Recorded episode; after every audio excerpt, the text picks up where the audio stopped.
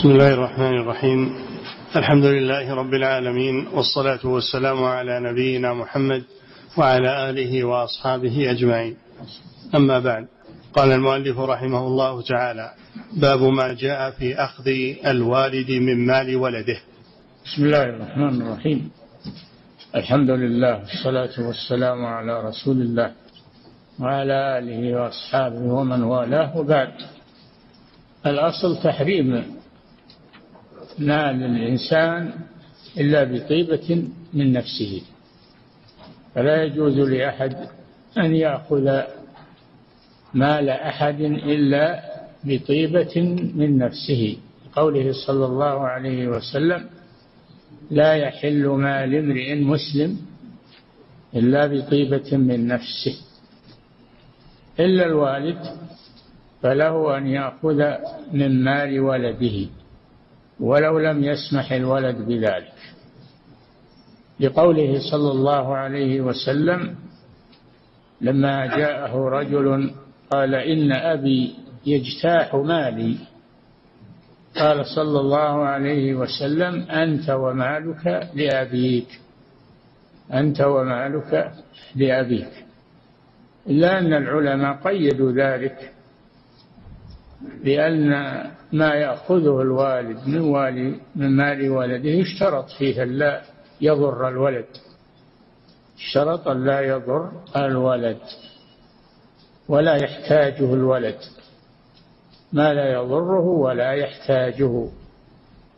فإذا كان يحتاج الولد يحتاج إلى ماله فهو أولى به من أبيه. أو كان أبوه يأخذ شيئا يضره. لا يجوز للوالد لقوله صلى الله عليه وسلم لا ضرر ولا ضرار. نعم. باب ما جاء في أخذ الوالد من مال ولده. عن عائشة رضي الله عنها قالت قال رسول الله صلى الله عليه وسلم إن أطيب ما أكلتم من كسبكم. وإن أولادكم من كسبكم رواه الخمسة. وفي لفظ ولد الرجل من أطيب كسبه فكلوا من أموالهم هنيئا رواه أحمد. وهذا أيضا دليل على أن الوالد يأخذ من مال ولده ولو لم يأذن الولد بذلك. لقوله صلى الله عليه وسلم إن أطيب ما أكلتم من كسبكم. وإن أولادكم من كسبكم. نعم. وعن جابر رضي الله عنه أن رجلا قال يا رسول الله إن لي مالا وولدا وإن أبي يريد أن يجتاح مالي. فقال أنت ومالك لأبيك. رواه ابن ماجه. نعم هذا من أدلة أن للوالد أن يأخذ من مال ولده. ولو لم يأذن الولد بذلك لأن الولد وما كسب لأبيه. نعم. وعن عمرو بن شعيب عن أبيه عن جده أن أعرابيا أتى النبي صلى الله عليه وسلم فقال إن أبي يريد أن يجتاح مالي. فقال أنت ومالك لأبيك. إن أطيب ما أكلتم من كسبكم. وإن أولادكم من كسبكم فكلوه هنيئا. رواه أحمد وأبو داود وقال فيه إن رجلا أتى النبي صلى الله عليه وسلم فقال إن لي مالا وولدا وإن والدي الحديث. نعم هذا فيه دليل على أن للوالد أن يأخذ من مال ولده لأنه ماله في الحقيقة لأن مال ولده ماله لقوله صلى الله عليه وسلم أنت ومالك لأبيك. نعم.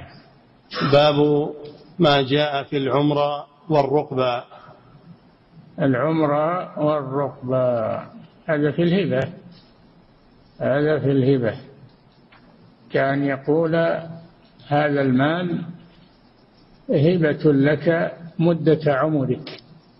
هذا المال هبة لك مدة عمرك فإذا استلمه من ومن أذن له باستلامه والانتفاع به إذا قبضه فليس لصاحب المال أن يتراجع. قال صلى الله عليه وسلم العائد في هبته كالكلب. يقيء ثم يعود في قيئه. فإذا قبضت الهبة قبضها الموهوب له لم يجوز للواهب أن يرجع فيها. أما قبل أن يقبضها فله أن يرجع فيها. نعم. والرقبة؟ الرقبة أن يرقب حياته. هي الرقبة هي العمرة أن يرقب حياته أن يقول هو لك مدة حياتك. سميت رقبة لأن الواهب يترقب موت. الموهوب له حتى يرجع إليه ماله. ولن يرجع إليه. هو يستقر بالقبض. فلا يرجع إلى الواهب إذا قبضه الموهوب له. نعم. عن أبي هريرة رضي الله عنه عن النبي صلى الله عليه وسلم قال العمرة ميراث لأهلها أو قال جائزة متفق عليه. العمرة ميراث لأهلها يعني الموهوب له فهي ميراث له لا يحل للواهب أن يرجع فيها وأن يستردها حتى ولو قيدها بحياة الموهوب له فإنها تستقر له ولا يتراجع فيها. نعم. وعن زيد بن ثابت رضي الله عنه قال قال رسول الله صلى الله عليه وسلم من أعمر عمرا فهي لمعمره محياه ومماته لا ترقبوا من أرقب شيئا فهو سبيل الميراث. رواه أحمد وأبو داود والنسائي. وفي لفظ أن النبي صلى الله عليه وسلم قال الرقبة جائزة رواه النسائي. وفي لفظ جعل الرقبة للذي أرقبها رواه أحمد للذي أرقبها رواه أحمد والنسائي. وفي لفظ جعل الرقبة للوارث رواه أحمد. نعم كل الأحاديث تدل على هذا بروايتها. أن من وهب شخصا مالا وقبضه الموهوب له وقال الواهب هو لك مدة حياتك فإن هذا لا أثر له. تكون الهبة تستقر لمن وهبت له ولورثته من بعده. ولا ترجع إلى الواهب لأنه لا يجوز العود في الهبة. بعد قبضها ولو شرط الشرط باطل. نعم. وعن ابن عباس رضي الله عنهما قال قال رسول الله صلى الله عليه وسلم العمرة جائزة لمن أعمرها والرقبة جائزة لمن أرقبها. رواه أحمد والنسائي. نعم أنها تستقر للموهوب له إذا وهبها له مدة حياته. فإنها وقبضها الموهوب له فإنها له دائما ولورثته من بعده ولا ترجع لمن وهبها لأن الهبة إذا قبضت فلا يجوز للواهب أن يرجع فيها. شبه صلى الله عليه وسلم من رجع فيها بالكلب يقيء ثم يعود في قيئه وسميت بالرقبة لأن الواهب يرقب موت الموهوب له حتى يسترجعها وليس له أن يسترجعها. نعم. وعن ابن عمر رضي الله عنهما قال قال رسول الله صلى الله عليه وسلم لا تعمروا ولا ترقبوا فمن أعمر شيئا أو أرقبه فهو له حياته ومماته. رواه أحمد والنسائي. كل الروايات على هذا أن الهبة تلزم بالقبض ولا يجوز للواهب أن يرجع فيها بعد قبضها بعد قبض الموهوب له لا يجوز له أن يرجع فيها لأن الموهوب له تملكها بقبضه لها لا يجوز للواهب أن يرجع فيه لأنها خرجت عن ملكه إلى ملك الموهوب له. ولأن هذا فيه دناءة أيضا. فيه دناءة. قد شبهه صلى الله عليه وسلم بالكلب.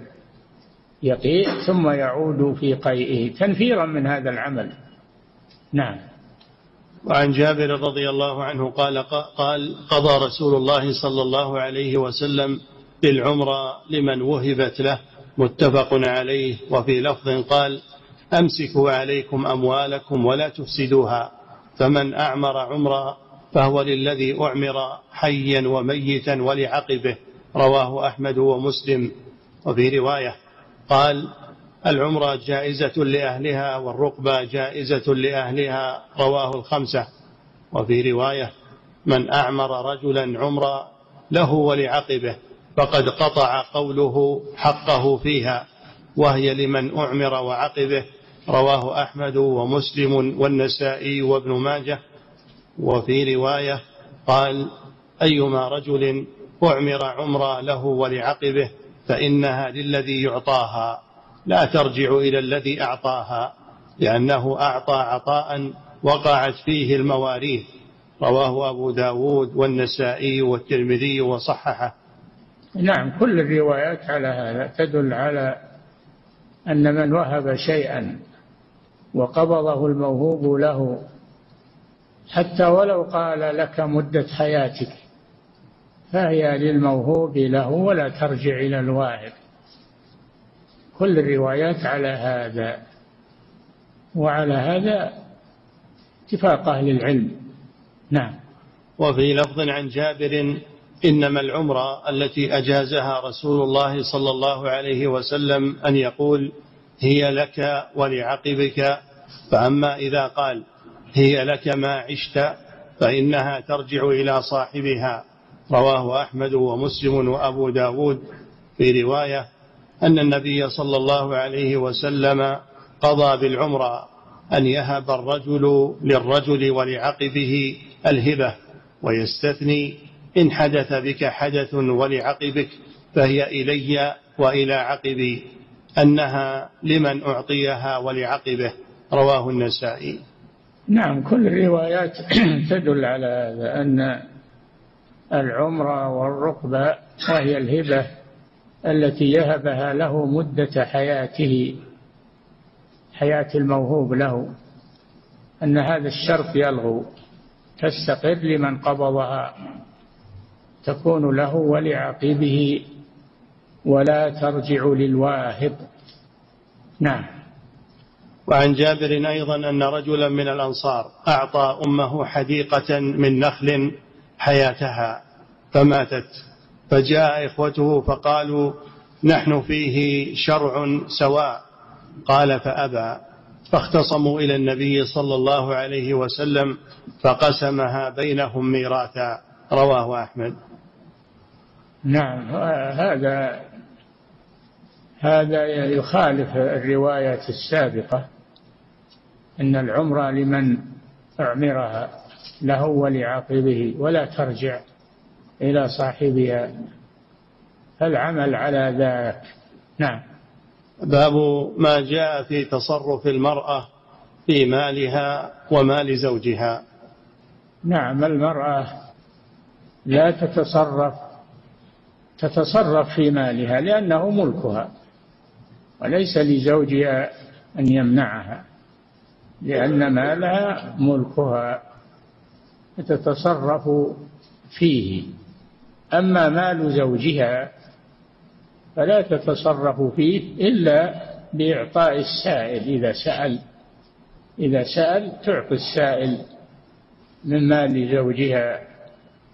لقوله وفي أموالهم حق للسائل والمحروم. السائل له حق إذا كان محتاجا. نعم. باب ما جاء في تصرف المرأة في مالها ومال زوجها. عن عائشة رضي الله عنها قالت قال رسول الله صلى الله عليه وسلم إذا أنفقت المرأة من طعام زوجها غير مفسدة كان لها أجرها بما أنفقت. ولزوجها أجره بما كسب وللخازن مثل ذلك لا ينقص بعضهم من أجر من أجر بعض شيئا. رواه الجماعة. نعم النفقة إذا أنفقت المرأة من مال زوجها ما جرت به العادة والعرف مثل إعطاء سائل أو الصدقة على محتاج فذلك ماض و ومشروع فلها أن تتصدق من مال زوجها وأن تعطي السائل من مال زوجها لأن هؤلاء لهم حق السائل والمحروم. السائل هو اللي يطلب والمحروم هو الذي نكب في ماله. كان غنيا فافتقر بسبب جائحة أصابت ماله فحرم. هذا هو المحروم. نعم. وعن أبي هريرة رضي الله عنه قال قال رسول الله صلى الله عليه وسلم إذا أنفقت المرأة من كسب زوجها عن غير أمره فله نصف أجره. متفق عليه ورواه أبو داود. نعم الصدقة يعم أجرها لصاحب المال. ولمن دفع الصدقة نيابة عن صاحب المال والخادم الذي يناول المحتاج كل الثلاثة لهم أجر في هذه الصدقة. وفضل الله واسع. نعم. وروي أيضا عن أبي هريرة موقوفا في المرأة تصدق من بيت زوجها قال لا إلا من قوتها. والأجر بينهما ولا يحل لها أن تصدق من مال زوجها إلا بإذنه. نعم. وروي أيضا عن أبي هريرة موقوفا في المرأة تصدق من بيت زوجها. قال لا إلا من قوته. الموقوف ما كان من كلام الصحابي. الموقوف ما كان من كلام الصحابي وليس من كلام الرسول صلى الله عليه وسلم. نعم. عن أبي هريرة موقوفا في المرأة تصدق من بيت زوجها قال لا إلا من قوتها والأجر بينهما ولا يحل لها أن تصدق من مال زوجها إلا بإذنه. نعم الصدقة الكثيرة لا تحل إلا بإذن صاحب المال. أما الصدقة اليسيرة إعطاء السائل تصدق على محتاج هذا لا بأس به ويكون الأجر بينهم. صاحب المال والمرأة والخادم الذي يناول المحتاج. لكن يكون في شيء قدر الحاجة فقط. نعم. وعن أسماء بنت أبي بكر رضي الله عنهما أنها قالت يا رسول الله ليس لي شيء إلا ما أدخل علي الزبير فهل علي جناح أن أرضخ مما يدخل علي؟ قال ارضخي ما استطعت ولا توعي فيوعي الله عليك. متفق عليه. ارضخي يعني أعطي المحتاج والسائل ولا توعي يعني توكي على المال ولا تخرجي منه شيئا فيوعي الله عليك. لأن الجزاء من جنس العمل. فالمرأة تتصدق من مال زوجها ما جرت به العادة وليس وليس بشرط أن تستأذن زوجها في ذلك والأجر بينهم. نعم. أما الشيء الكثير فلا لا بد من إذن صاحب المال. الشيء الكثير لا بد من إذن صاحب المال.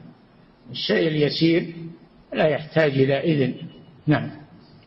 وفي لفظ عنها أنها سألت النبي صلى الله عليه وسلم إن الزبير رجل شديد ويأتيني المسكين فأتصدق عليه من بيته بغير إذنه.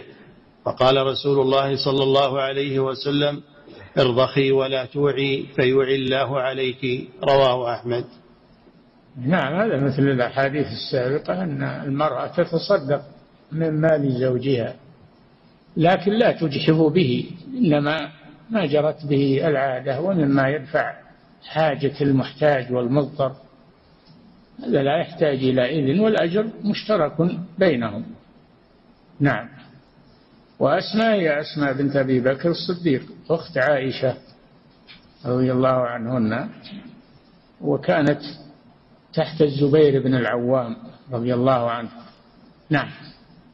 وعن سعد قال لما بايع النبي صلى الله عليه وسلم النساء قالت امرأة جليلة كأنها من نساء مضر.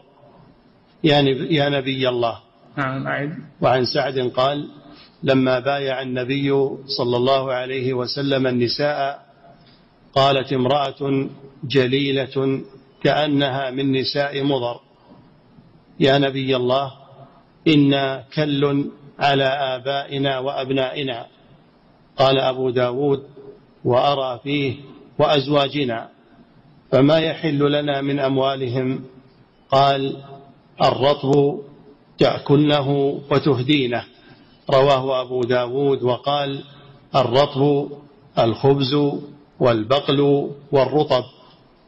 نعم كل الروايات على أن للمرأة أن تتصدق من مال زوجها عند سؤال السائل تعطيه وعند ما ترى محتاجا تتصدق عليه بما يدفع حاجته.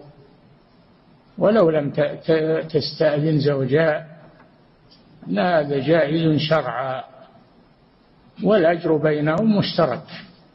نعم. وعن جابر رضي الله عنه قال شهدت العيد مع رسول الله صلى الله عليه وسلم فبدأ بالصلاة قبل الخطبة. شهدت العيد يعني حضرته. شهدت العيد يعني حضرته مثل قوله سبحانه والذين لا يشهدون الزور يعني لا يحضرون أعياد الكفار. يشهدون يعني يحضرون أعياد الكفار. الشهود هو الحضور. نعم. شهدت العيد مع رسول الله صلى الله عليه وسلم فبدأ يعني صلاة العيد. شهدت العيد يعني صلاة العيد. نعم. فبدأ بالصلاة قبل الخطبة بلا أذان ولا إقامة. بدأ بالصلاة قبل الخطبة وليس مثل الجمعة يبدأ بالخطبة قبل الصلاة. فالعيد بالعكس. يبدأ بالصلاة ثم يأتي بالخطبة والجلوس للخطبة ليس واجبا. من شاء أن يجلس ويستمع ومن شاء أن ينصرف. نعم. بلا أذان ولا إقامة. يعني العيد لا يحتاج إلى أذان ولا إقامة. مثل الفريضة لا. ومثل صلاة الكسوف الكسوف لها أذان صلاة جامعة. نعم. ثم قام متوكئا على بلال. ثم قام متوكئا يعني معتمدا قام صلى الله عليه وسلم معتمدا على بلال. فدل على أن الخطيب يتكي على شيء إما على جدار وإما على شخص وإما على عصا. نعم. فأمر بتقوى الله وحث على طاعته ووعظ الناس وذكرهم. نعم خطب خطبة العيد عليه الصلاة والسلام متكئا على بلال وذكر بلال موضوع ذكر الراوي موضوع الخطبة التي خطبها رسول الله أنه ذكر الناس ووعظهم. نعم. ثم مضى حتى أتى النساء. ثم مضى لما خطب الرجال مضى انتقل من الرجال إلى النساء وخطب النساء خطبة خاصة بهن. نعم. ثم مضى حتى أتى النساء فوعظهن وذكرهن. نعم. قال تصدقنا فإن أكثركن حطب جهنم. نعم. قال للنساء تصدقنا ولو من حليكن. فإنكن أكثر آه، حطب جهنم. سيأتي لماذا؟ نعم. وقال تصدقنا فإن أكثركن حطب جهنم فقام فقامت امرأة من سطة النساء سعفاء الخدين. قامت امرأة من سطة النساء. يعني ليست من ذوات النسب. وليست إلا من من الرقي من المماليك فهي من سطة النساء. يعني نعم. سعفاء الخدين. سفعاء سفعاء الخدين. يعني في خدها أثر. استدل بهذا من لا يرى الحجاب. استدل بهذا من لا يرى الحجاب للمرأة. وليس فيه دليل. إنما قد يبدو وجهها بدون قد يبدو وجه المرأة بدون قصد. قد الهوى تطير الغطاء فيراها من عندها من الرجال. فلا يؤخذ من هذا أن غطاء الوجه ليس بواجب كما فهمه بعضهم. نعم. فقالت ثم إن الحديث أنها من سطة النساء وليست من من ذوات الشان ولا نعم. فقالت لم يا رسول الله؟ قال لأن كنا تكثرن الشكاية وتكفرن العشير. نعم. هن أكثر أهل جهنم لأنهن يكثرن التشكي من زوجاتهن من أزواجهن. المرأة كثيرة الشكاية من زوجها ولو لم يكن لهذا سبب طبيعتها كذا إلا من رحم الله. وتكفرن العشير. لو أحسنت إلى إحداكن الدهر ثم رأت شيئا قالت ما رأيت منك خيرا قط. فهذا كفران العشير أنها تجحد تجحد إحسان الزوج إليها. عند أدنى سبب. نعم. قال فجعلنا يتصدقن من حليهن. المبادرة شوف. نساء الصحابة رضي الله عنهن بادرن تصدقن من حليهن آه، الذي عليهن من المبادرة لطلب الخير والامتثال رضي الله عنهن. نعم. فجعلن يتصدقن من حليهن يلقين في ثوب بلال من أقراطهن وخواتيمهن متفق عليه. نعم. هذا فيه المبادرة. إلى فعل الخير وأن المرأة تتصدق ولو من حليه الذي تلبسه. نعم. وعن عبد الله بن عمرو رضي الله عنهما أن النبي صلى الله عليه وسلم قال لا يجوز لامرأة عطية إلا بإذن زوجها. رواه أحمد والنسائي وأبو داود وفي لفظ لا يجوز للمرأة أمر في مالها إذا ملك زوجها عصمتها. رواه الخمسة إلا الترمذي. نعم وهذا فيه أن المرأة إذا كان لها مال فليس لها أن تعطي منه إلا بإذن زوجها إلا بإذن زوجها من باب تطيب خاطره ومن باب الرقابة عليهن لأن المرأة قد تكثر من آه، الإنفاق من مالها حتى يتضرر أو ينفد. الإنفاق له ضابط. نعم. باب ما جاء في تبرع العبد. نعم. التبرع العبد. العبد وما ملك لسيده. وما ملك لسيده. فليس له أن يتبرع إلا بإذن سيده. نعم. عن عمير مولى آبي اللحم. قال كنت مملوكا. فسألت النبي صلى الله عليه وسلم أتصدق من مال مولاي بشيء؟ قال نعم والأجر بينكما. رواه مسلم. العبد يتصدق من مال سيده ما جرت به العادة مثل إعطاء سائل أو إطعام جائع. نعم. وعنه قال والأجر بينهما بين بين مالك المال اللي هو السيد وبين المملوك الذي تبرع من مال سيده. نعم. وعنه قال أمرني مولاي أن أقدر لحما فجاءني مسكين فأطعمته منه فضربني. فأتيت رسول الله صلى الله عليه وسلم فذكرت ذلك له فدعاه فقال لم ضربته؟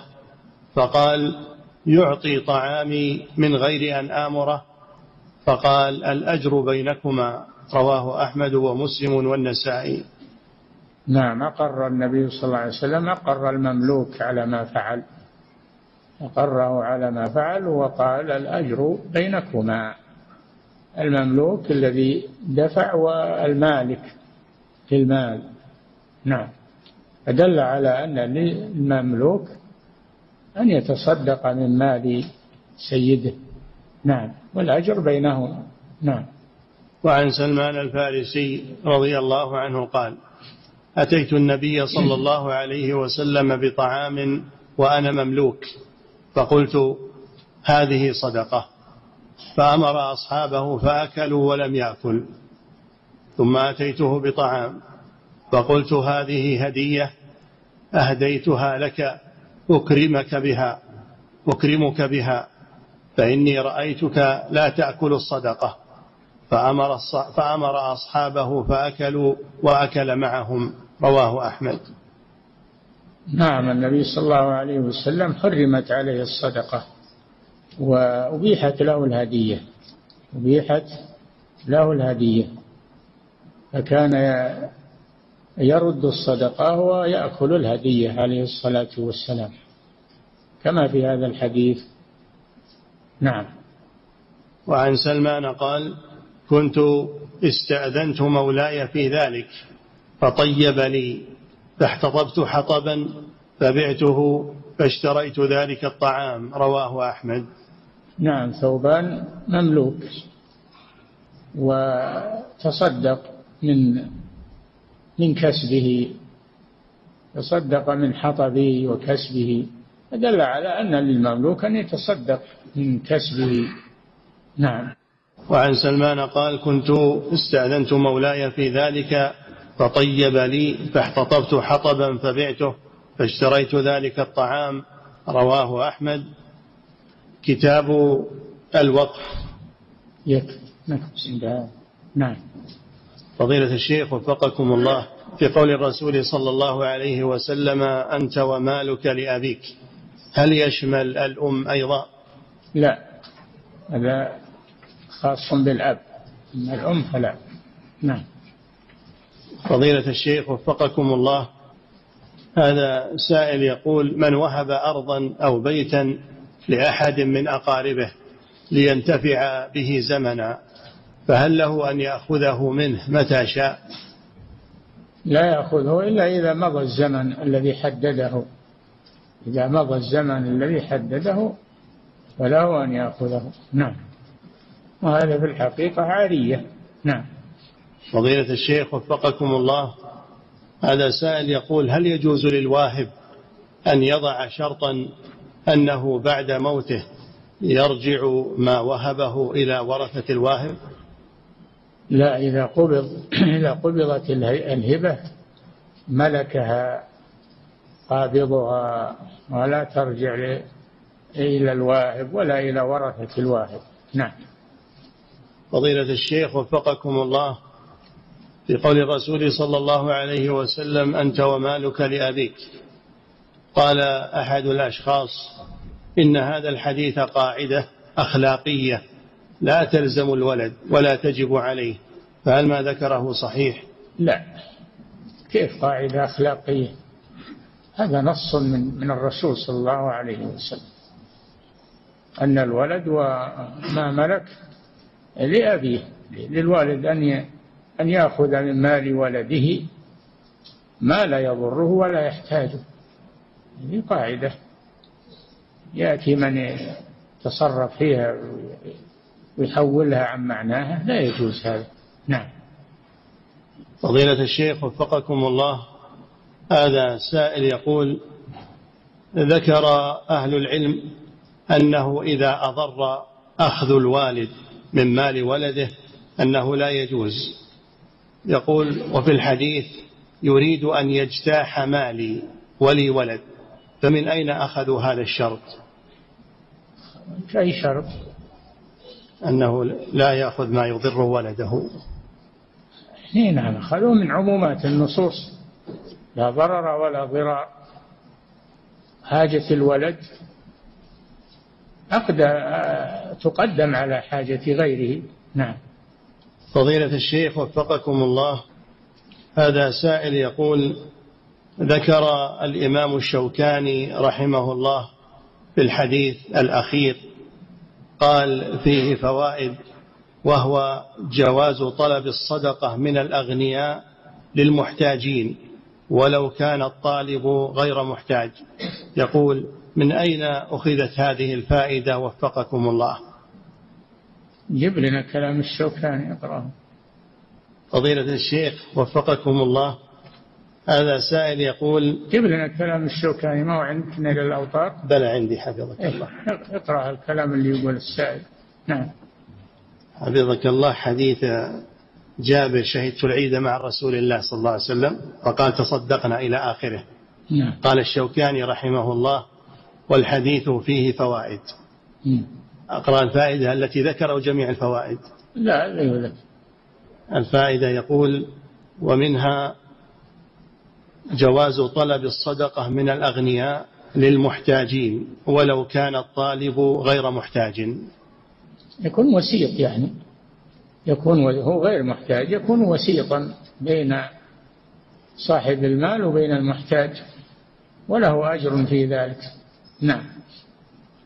فضيلة الشيخ وفقكم الله هذا سائل يقول أحد المحسنين أعطاني مبلغا من المال وقبل أن نفترق أخذ هذا المال مني. فهل يجوز له ذلك؟ يقول أحد المحسنين أعطاني مبلغا من المال وقبل أن نفترق أخذها مني. فهل يجوز له هذا الأخذ وهذا الاسترداد؟ لا يجوز. بعد قبضه إذا أعطى العطية وقبضها الموهوب له والمعطى لا يجوز الرجوع فيها. العائد في هبته كالكلب يقي ثم يعود في قيئه. نعم.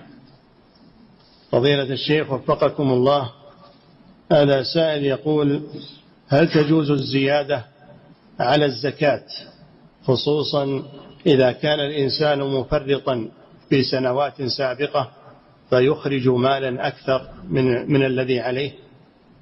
لا عليه أنه يخرج الزكاة اللي باقية في ذمته. يحصيها و... ويعرف قدرها ويخرجها لأنها دين في ذمته. لا بد من هذا. ما هو يطلع مال ويقول هذا عن عن الزكاة الذي وهو ما حددها ولا عرف مقدارها. نعم. فضيلة الشيخ وفقكم الله. هذا سائل يقول شخص من سكان محافظة الخرج.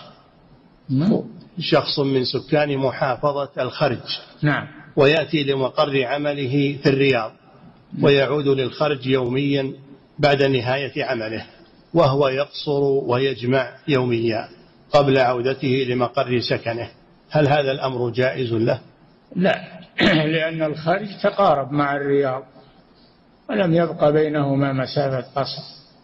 فلا يجوز الآن لأنه تقارب البنيان وامتدت الخرج وامتدت الرياض وتقارب هذاك من أول يوم بين الخرج وبين الرياض مسافة ليس فيها سكان وليس فيها مباني. نعم.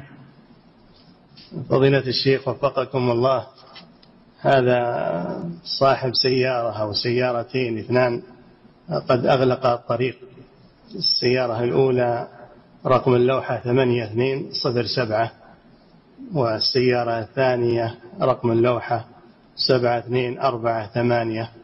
قد أغلق الطريق. فضيلة الشيخ. أصحاب السي... صاحبي السيارتين أن يفرج الطريق للناس. نعم. فضيلة الشيخ وفقكم الله هذا السائل يقول المشيئة هل هي تنقسم إلى قسمين؟ مشيئة شرعية؟ لا لا. هذه كالإرادة الإرادة تنقسم إلى قسمين إرادة شرعية وإرادة كونية. أما المشيئة فهي شيء واحد. مرادفة للإرادة الكونية. نعم. فضيلة الشيخ وفقكم الله هذا سائل يقول هل يجوز أن أعطي زكاة مالي لجدتي وهي أم أمي؟ لا. لا تحل زكاة الولد لوالده والجدة والدة. نعم. فضيلة الشيخ وفقكم الله هذه امرأة تسأل فتقول معنا مشرفة علينا في مدرسة تحفيظ القرآن وقد حصل لها ظرف صحي هل يجوز لنا أن نجمع لها نحن المعلمات نجمع لها مالا لمساعدتها في العلاج؟ وعلى ظروفها المادية. نعم إذا كانت فقيرة فساعدوها. إذا كانت فقيرة لا تستطيع آه، مؤونة العلاج وقيمة العلاج فساعدوها. نعم. فضيلة الشيخ وفقكم الله هذا سائل يقول كثير من المساجد تمتلئ بالملصقات واللوحات التي تنصب في المساجد. سواء كانت أدعية وأذكار أو غير ذلك. وكذلك الشاشات. ما حكم هذه الأمور؟ تجب إزالتها من داخل المسجد. الإعلانات تكون خارج المسجد. تكون خارج المسجد ولا تكون في المسجد. صادر في هذا فتوى على عهد الشيخ عبد العزيز بن باز رحمه الله. لأن المساجد لا يكتب فيها كتابات. ولا يكون فيها إعلانات لأن هذا يشغل المصلين وإنما تكون خارج المسجد. نعم. فضيلة الشيخ وفقكم الله هذا ولا يعلق فيها لوحات ولا شيء. نعم. فضيلة الشيخ وفقكم الله هذا سائل يقول هل الفخذ يعد من العورة؟ وكيف الجمع مع حديث رسول الله صلى الله عليه وسلم عندما دخل عليه أبو بكر وعمر وهو كاشف لفخذه عليه الصلاة والسلام. نعم الفخذ عورة في الصلاة والركبة عورة في الصلاة لا بد من سترها. أما في غير الصلاة يتسامح في ظهورها. أما في الصلاة فهي عورة. نعم. فضيلة الشيخ وفقكم الله هذا السائل يقول أيهما أوجب على المسلم أن يحضر دروس أهل العلم أم يلازم أحد والديه لحاجته إليه وأن يكتفي بمتابعة الدروس عن طريق الموقع؟ من طريق؟ الموقع الإنترنت. حسب حاجة الوالد. إذا كان الوالد يحتاج إلى حضوره عنده فيحضر عنده. وطلب العلم متيسر ولله الحمد في ما ذكر من نشره في المواقع والشاشات يستفيد منه منه ولو لم يحضر. نعم.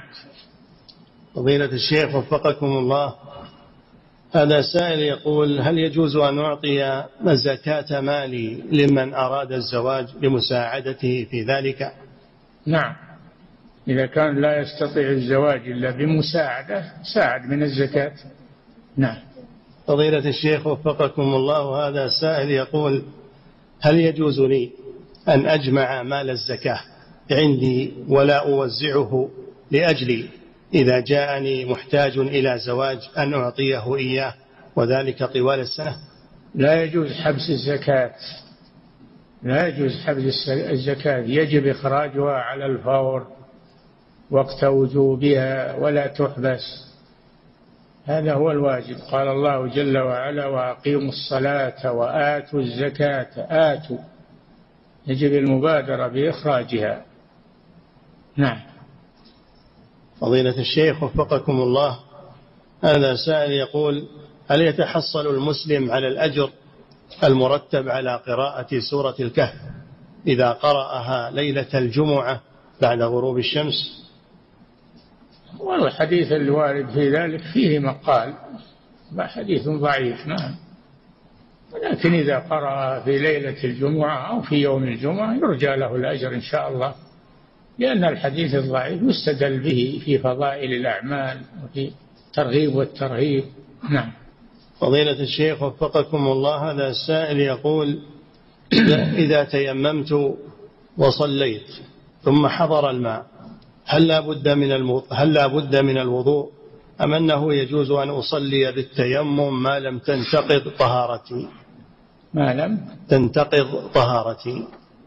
لا إذا حضر الماء الصلاة اللي صليتها في الماضي صحيحة إن شاء الله قبل حضور الماء أما إذا حضر الماء فلا بد من الوضوء به وينتهي مفعول التيمم. العوام يقولون إذا حضر الماء بطل العفو. نعم.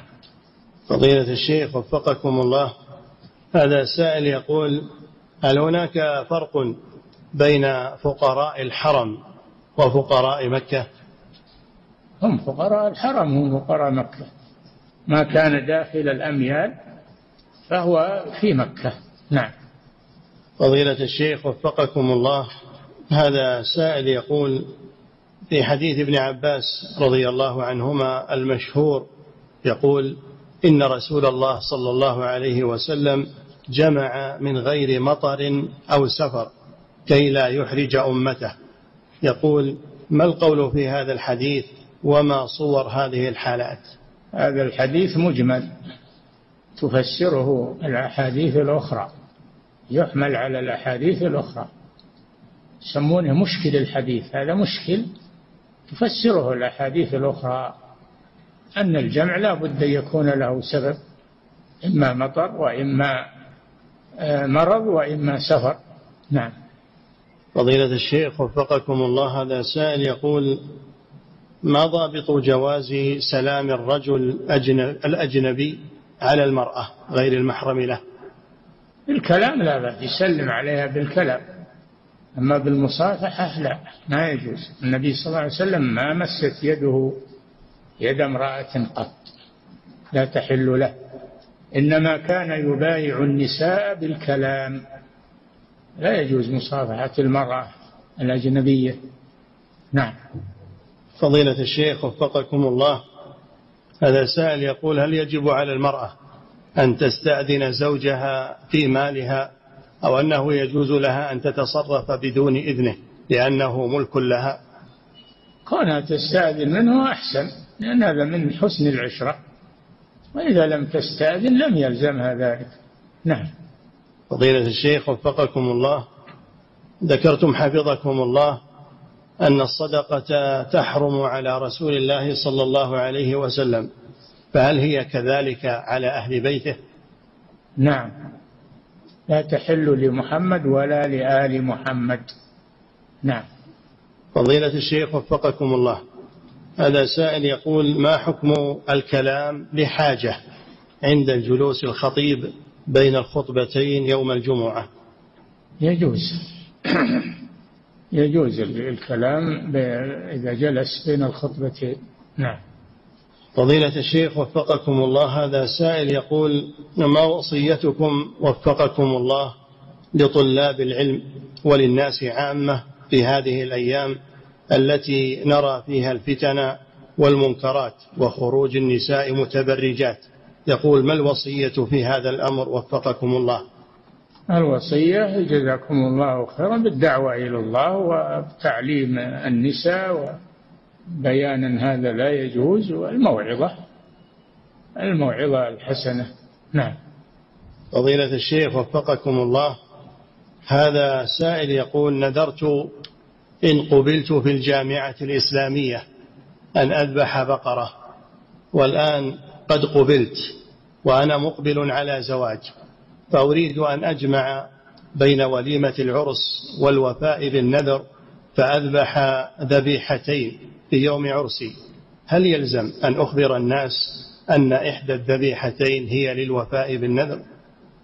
لا خلى النذر الحالة وف بالنذر الحالة. لا تدخل مع العرس. وف بالنذر توفون بالنذر.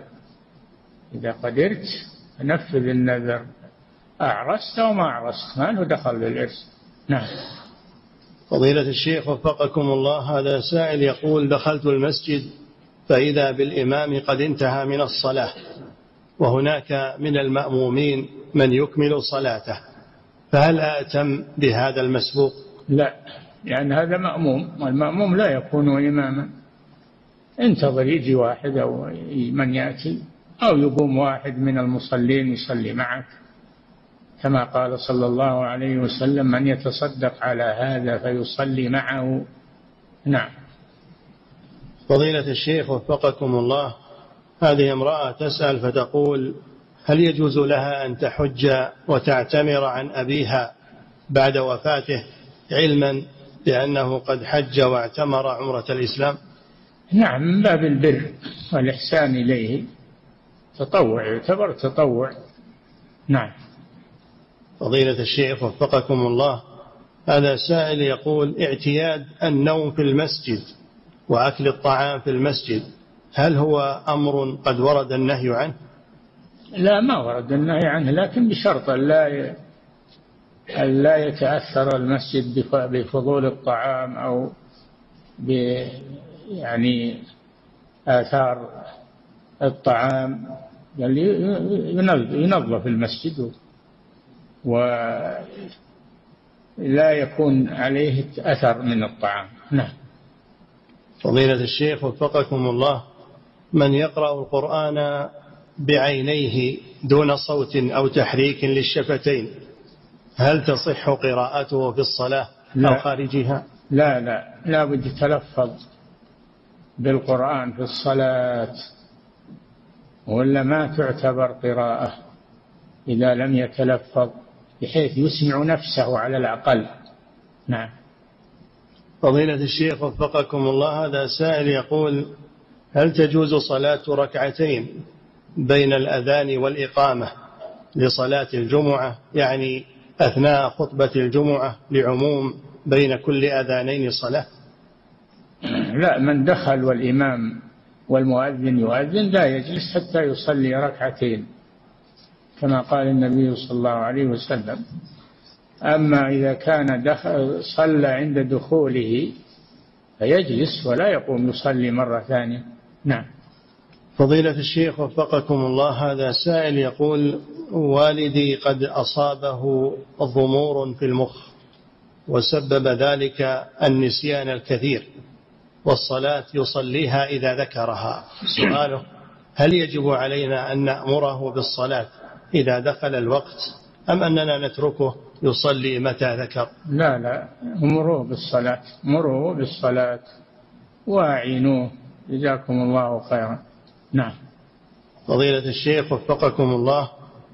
هذا سائل يقول التصدق عن الميت وتسميته عند إعطاء المسكين للصدقة. هل هذا أمر مشروع بأن أقول للمسكين هذه الصدقة عن فلان؟ لا. لا تقول عن فلان تنويها ويكفي. النية إنما الأعمال بالنية. تنويها عن فلان ويكفي. نعم. فضيلة الشيخ وفقكم الله. هذا سائل يقول ما حكم رفع الصوت بالذكر عند وضع الميت في قبره؟ لا يجوز هذا. لا يجوز رفع الصوت عند دفن الميت. ولكن بعدما يدفن يقف المشيعون على قبره ويسألون له التثبيت ويستغفرون له ويسألون له التثبيت. وقت السؤال سؤال الملكين كما أمر النبي صلى الله عليه وسلم بذلك. نعم. فضيلة الشيخ وفقكم الله هذا سائل يقول أحد المطاعم عندما أدخل للأكل عندهم يعطونني ورقة. لأجل أن آكل مدة معينة من الأيام كتحفيز لي هل يجوز هذا الأمر؟ كيف؟ يقول أحد المطاعم عندما أدخل عليهم للأكل من عندهم يعطونني ورقة للأكل مدة معينة من الأيام كتحفيز لي هل يجوز هذا الأمر؟ لا ما يجوز هذا هذا يضر المطاعم الأخرى ويأخذ الزبائن عنهم لا يجوز هذا العمل هذا مثل تلقي الركبان. نعم. فضيلة الشيخ وفقكم الله هذا سائل يقول هل يجوز لي أن أدخل إلى المقبرة مصطحبا أولادي الصغار وبناتي الصغيرات؟ الذي لا يقوم بزيارة الميت والدعاء له والسلام عليه لا حاجة إلى إحضاره. نعم. فضيلة الشيخ وفقكم الله هذا سائل يقول من فاته الوتر فهل يوتر بين الأذان والإقامة لصلاة الفجر؟ لا يوتر إذا ارتفعت الشمس. إذا ارتفعت الشمس يصلي الوتر ويشفعه. إذا كان يوتر بثلاث يجعله أربع ركعات بتسليمتين إلى آخره. هكذا سنة الرسول صلى الله عليه وسلم. نعم. فضيلة الشيخ وفقكم الله هذا سائل يقول هل من لوازم إجابة دعوة الوليمة أن يطعم الإنسان من طعام الوليمة أم أنه يكتفي بالسلام ثم لا يشارك في الطعام؟ نعم هو يجيب الدعوة ويحضر إن شاء أكل وإن شاء دعا وانصرف إن شاء أكل وهذا أحسن وإن شاء دعا وانصرف إذا كان صائما مثلا. أو ليس له حاجة إلى الطعام يدعو وينصرف. نعم. فضيلة الشيخ وفقكم الله هذا سائل يقول بالنسبة للمرأة إذا تصدقت من مال زوجها فهل يلزمها أن تخبره بذلك بعد ذلك؟ الشيء المعتاد لا يلزمها أن تخبره. وأما الشيء الكثير فلا بد من أخذ إذنه فيه. نعم. فضيلة الشيخ وفقكم الله. هذا سائل يقول ما حكم أن يتعامل الإنسان وأن يشارك في مواقع في الإنترنت تساند أهل البدع؟ كيف؟ يقول ما حكم أن يشارك وأن يتعامل الإنسان مع مواقع في الإنترنت تساند أهل البدع؟ هذا من التعاون على الإثم والعدوان. لا يجوز مشاركتهم في ذلك. نعم. فضيلة الشيخ وفقكم الله هذا السائل يقول إذا أعطى الواهب الموهوب شيئا مدة معينة فهل يأخذ هذا حكم العارية ولا يكون هبة؟ نعم ما هو بهبة هذا. ما هو هبة هذا عارية. نعم. فضيلة الشيخ وفقكم الله هذا سائل يقول سائل من خارج هذه البلاد يقول إذا كان المسجد في قريتنا هو مسجد خاص بفرقة الصوفية فهل يجب علي أن أؤدي الصلاة في هذا المسجد؟ ما ندري عن الصوفية هؤلاء وش نوعهم وش تصوفهم صلاة الجماعة واجبة إلا إذا كان عندهم بدع تبطل الصلاة فلا تصلي معهم. نعم. فضيلة الشيخ وفقكم الله هذا سائل يقول أنا موظف وعندي مال ولله الحمد ووالدتي تطالبني بأن أعطيها ألف ريال شهريا ولكن نفسي تشح بذلك وتأتيني أعذار من الشيطان. يقول ما حكم هذا وما علاجه؟ وفقكم الله. أحسن إلى والدتك وأعطها ما يطيب خاطرها هو خير لك وأحسن لك. نعم. فضيلة الشيخ وفقكم الله هذا سائل يقول ما حكم حضور المناسبات المباحة التي يقيمها بعض أهل البدع كمناسبة زواج أو غير ذلك؟ لا تحضرها إلا إن كان تبين ما عندهم من المخالفة والبدع. باب النصيحة والتذكير. نعم. فضيلة الشيخ وفقكم الله هذا سائل يقول رجل ترك أداء الصلاة لإصابته بما يسمى بالوسواس القهري. يقول ما حكم مثل هذا الرجل؟ وهل يؤمر بالصلاة إذا تركها؟ يؤمر بالصلاة ويعالج يعالج عن هذا المرض النفسي. لعل الله أن يشفيه ويؤمر بالصلاة. نعم. فضيلة الشيخ وفقكم الله هذا سائل يقول هل الخوف من حدوث مصيبة يعد من سوء الظن بالله عز وجل؟ الخوف الحقيقي إذا كان هناك مثلا مرض متفشي أو هناك عدو يعني متربص هذا للإنسان أن يأخذ حذرة أن يخاف وأن يأخذ حذرة مما من هذا الضرر الذي هو متوقع. نعم. فضيلة الشيخ. هذا خوف طبيعي ما هو خوف عبادة هذا خوف طبيعي. نعم. فضيلة الشيخ وفقكم الله هذا سائل من فرنسا يقول هناك رجل وامرأة يسكنان سويا بدون زواج وقد حصل بينهما أطفال والآن قد دخلوا في الإسلام. سؤاله ما الحكم الشرعي بالنسبة للأطفال؟ هل ينسبون لوالديهم؟ لا ينسبون للأم التي ولدتهم. ينسبون لمن ولدتهم ولا ينسبون إلى غيرها. نعم. فضيلة الشيخ وفقكم الله هذا سائل يقول هل يجوز للعامل وللسائق وللخادم أو الخادمة أن يتصدقوا من مال مكفوليهم بما جرت به العادة استنادا لما سبق من الأحاديث؟ نعم. هل يجوز للعامل وللسائق وللخادم والخادمة أن يتصدقوا من مال مكفوليهم بما جرت به العادة استنادا لما سبق من الأحاديث؟ نعم الشيء اليسير. لا لا بأس به. الشيء اليسير كاللقمة واللقمتين و... لا بأس بذلك نعم. فضيلة الشيخ وفقكم الله هذا سائل يقول جاء أن رسول الله صلى الله عليه وسلم كان يعوذ الحسن والحسين.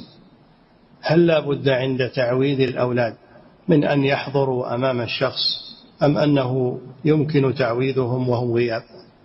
نعم يستوي هذا وهذا. حضورا أو غيابا تعوذهم نعم. فضيلة الشيخ وفقكم الله هذا سائل يقول تقدم شاب لخطبة فتاة من أبيها وأبوها يرغب بأن يزوجها لمن هو أكفأ منه فأوعى وأبوها يرغب بأن يزوجها لمن هو أكفأ منه.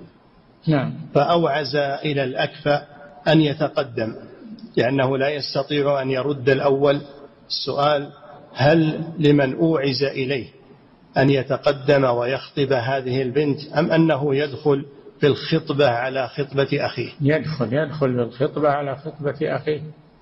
يصبر إلى أن يزوج أو يرد. ما يتقدم. ويعلم أن الخطبة قائمة لا يدخل على أخيه يخطب على خطبته حتى يزوج أو يرد. نعم. فضيلة الشيخ وفقكم الله هذا سائل يقول والد وعد ولده إن قام بتنظيف البيت فإنه يعطيه مالا لكنه تأخر في إعطائه. سؤال الولد هل يجب على الوالد أن يدفع هذا المال وهل له أن يطالبه به؟ إيش؟ والد وعد ولده. إن قام بتنظيف هذا البيت فإنه يعطيه مالا. لكن الوالد تأخر في دفع هذا المال. سؤال الولد هل يجب على الوالد أن يقوم بدفع هذا المال؟ اي نعم. المنافق هو إذا وعد أخلف صفة المنافقين أنهم إذا وعدوا أخلفوا أما المؤمن إذا وعد وفى نعم. فيفي بوعده. نعم. فضيلة الشيخ وفقكم الله هذا سائل يقول رجل فقد والده ولا يدري أين هو فهل يجوز أن ينشد عنه في المسجد القريب أم أن هذا من المنهي عنه؟ يعلن عنه. يعلن عنه إعلانا في الصحف في إعلان عن الجدار يلصق بجدار خارج المسجد؟ لا بأس. أما بداخل المسجد لا. نعم. فضيلة الشيخ وفقكم الله. هذا سائل يقول جاء في حديث رسول الله صلى الله عليه وسلم في السبعين ألف الذين يدخلون الجنة بغير حساب ولا عذاب.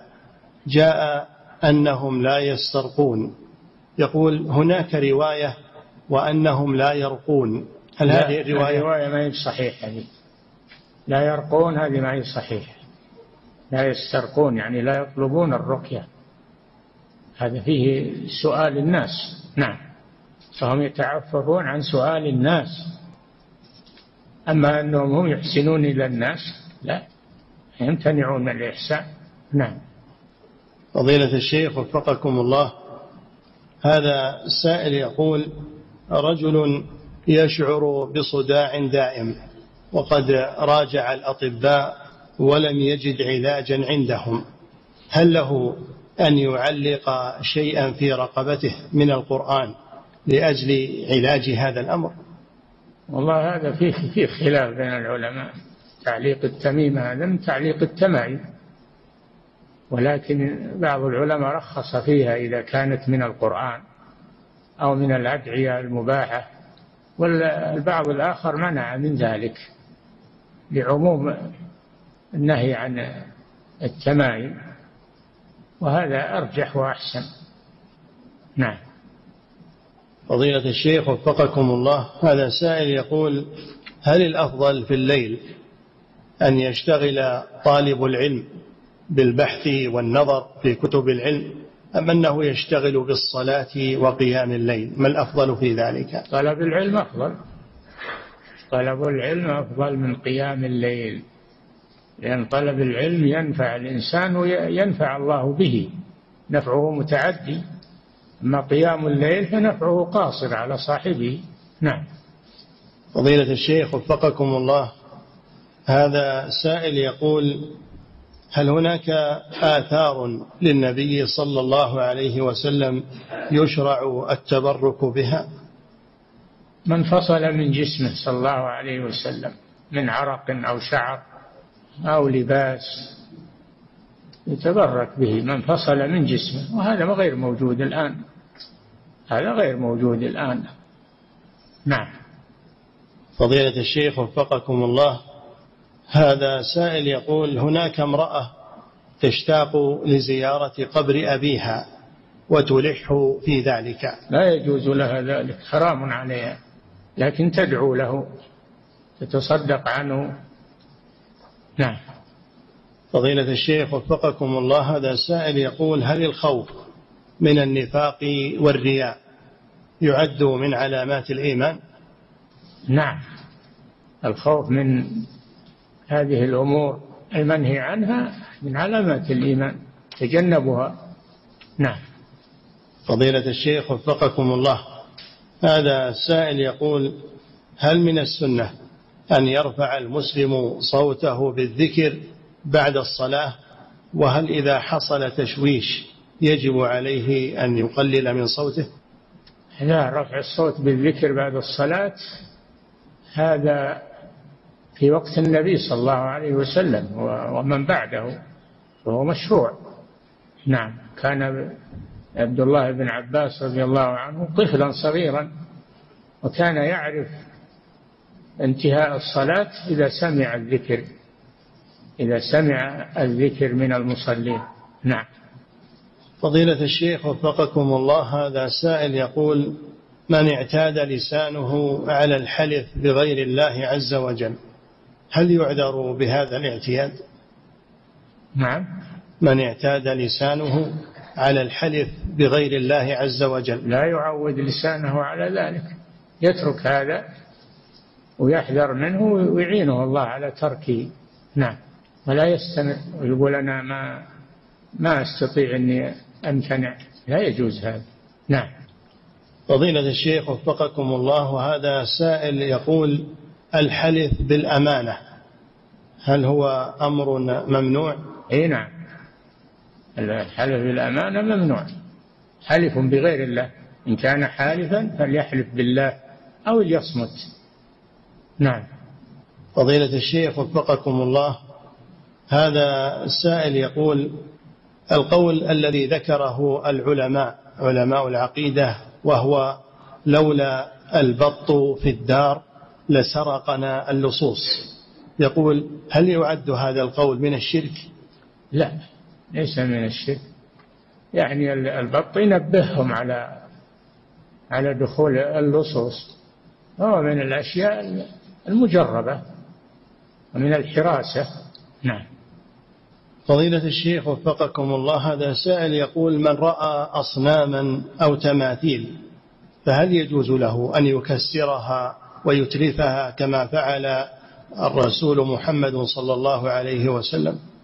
إن كان له سلطة فيكسرها أما إذا لم يكن له سلطة فإنه ينهى عنها ويبين ضررها لأهلها بلسانه ينكر بلسانه. من رأى منكم منكرا فليغيره بيده فإن لم يستطع فبلسانه فإن لم يستطع فبقلبه. فضيلة الشيخ وفقكم الله. هذا سائل يقول ما حكم تربية القطط؟ وهل يجوز شراؤها؟ لا ما يجوز شراءها ما يجوز شراءها لأن النبي صلى الله عليه وسلم نهى عن ثمن الهر. كما نهى عن ثمن الكلب. لا يجوز. بيعها ولا شراء أما اقتناؤها فلا بأس به لا بأس باقتناء القطط لا سيما للحاجة. نعم. فضيلة الشيخ وفقكم الله هذا سائل يقول ينزل في حساب مكافآت لأبنائي من مدارس تحفيظ القرآن هل يجوز لي أن أتصرف في هذه المكافآت؟ وأن أصرف علي وعليهم منها؟ نعم الوالد له ذلك. الوالد له ذلك. نعم. فضيلة الشيخ وفقكم الله هذا سائل يقول علي قضاء من رمضان لكني لا أعرف عدد الأيام بالضبط كيف أصنع في هذا؟ تقدرها تحتاط. تقدرها وتحتاط وتصومها. نعم.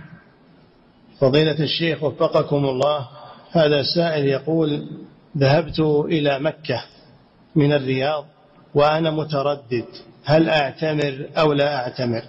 ولما وصلت إلى الحرم قررت الاعتمار. يقول من أين أحرم؟ تحرم من المكان الذي نويت منه. تحرم من المكان الذي نويت منه إذا كان خارج الحرم. وأما إذا كان داخل حدود الحرم فإنك ترجع إلى حدود الحرم وتحرم منها. نعم.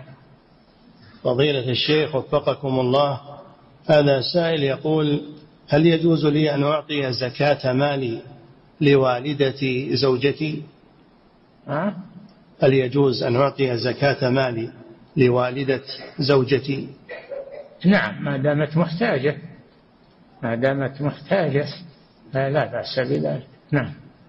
انتهى وفقط الله. تعالى أعلم وصلى الله وسلم على نبينا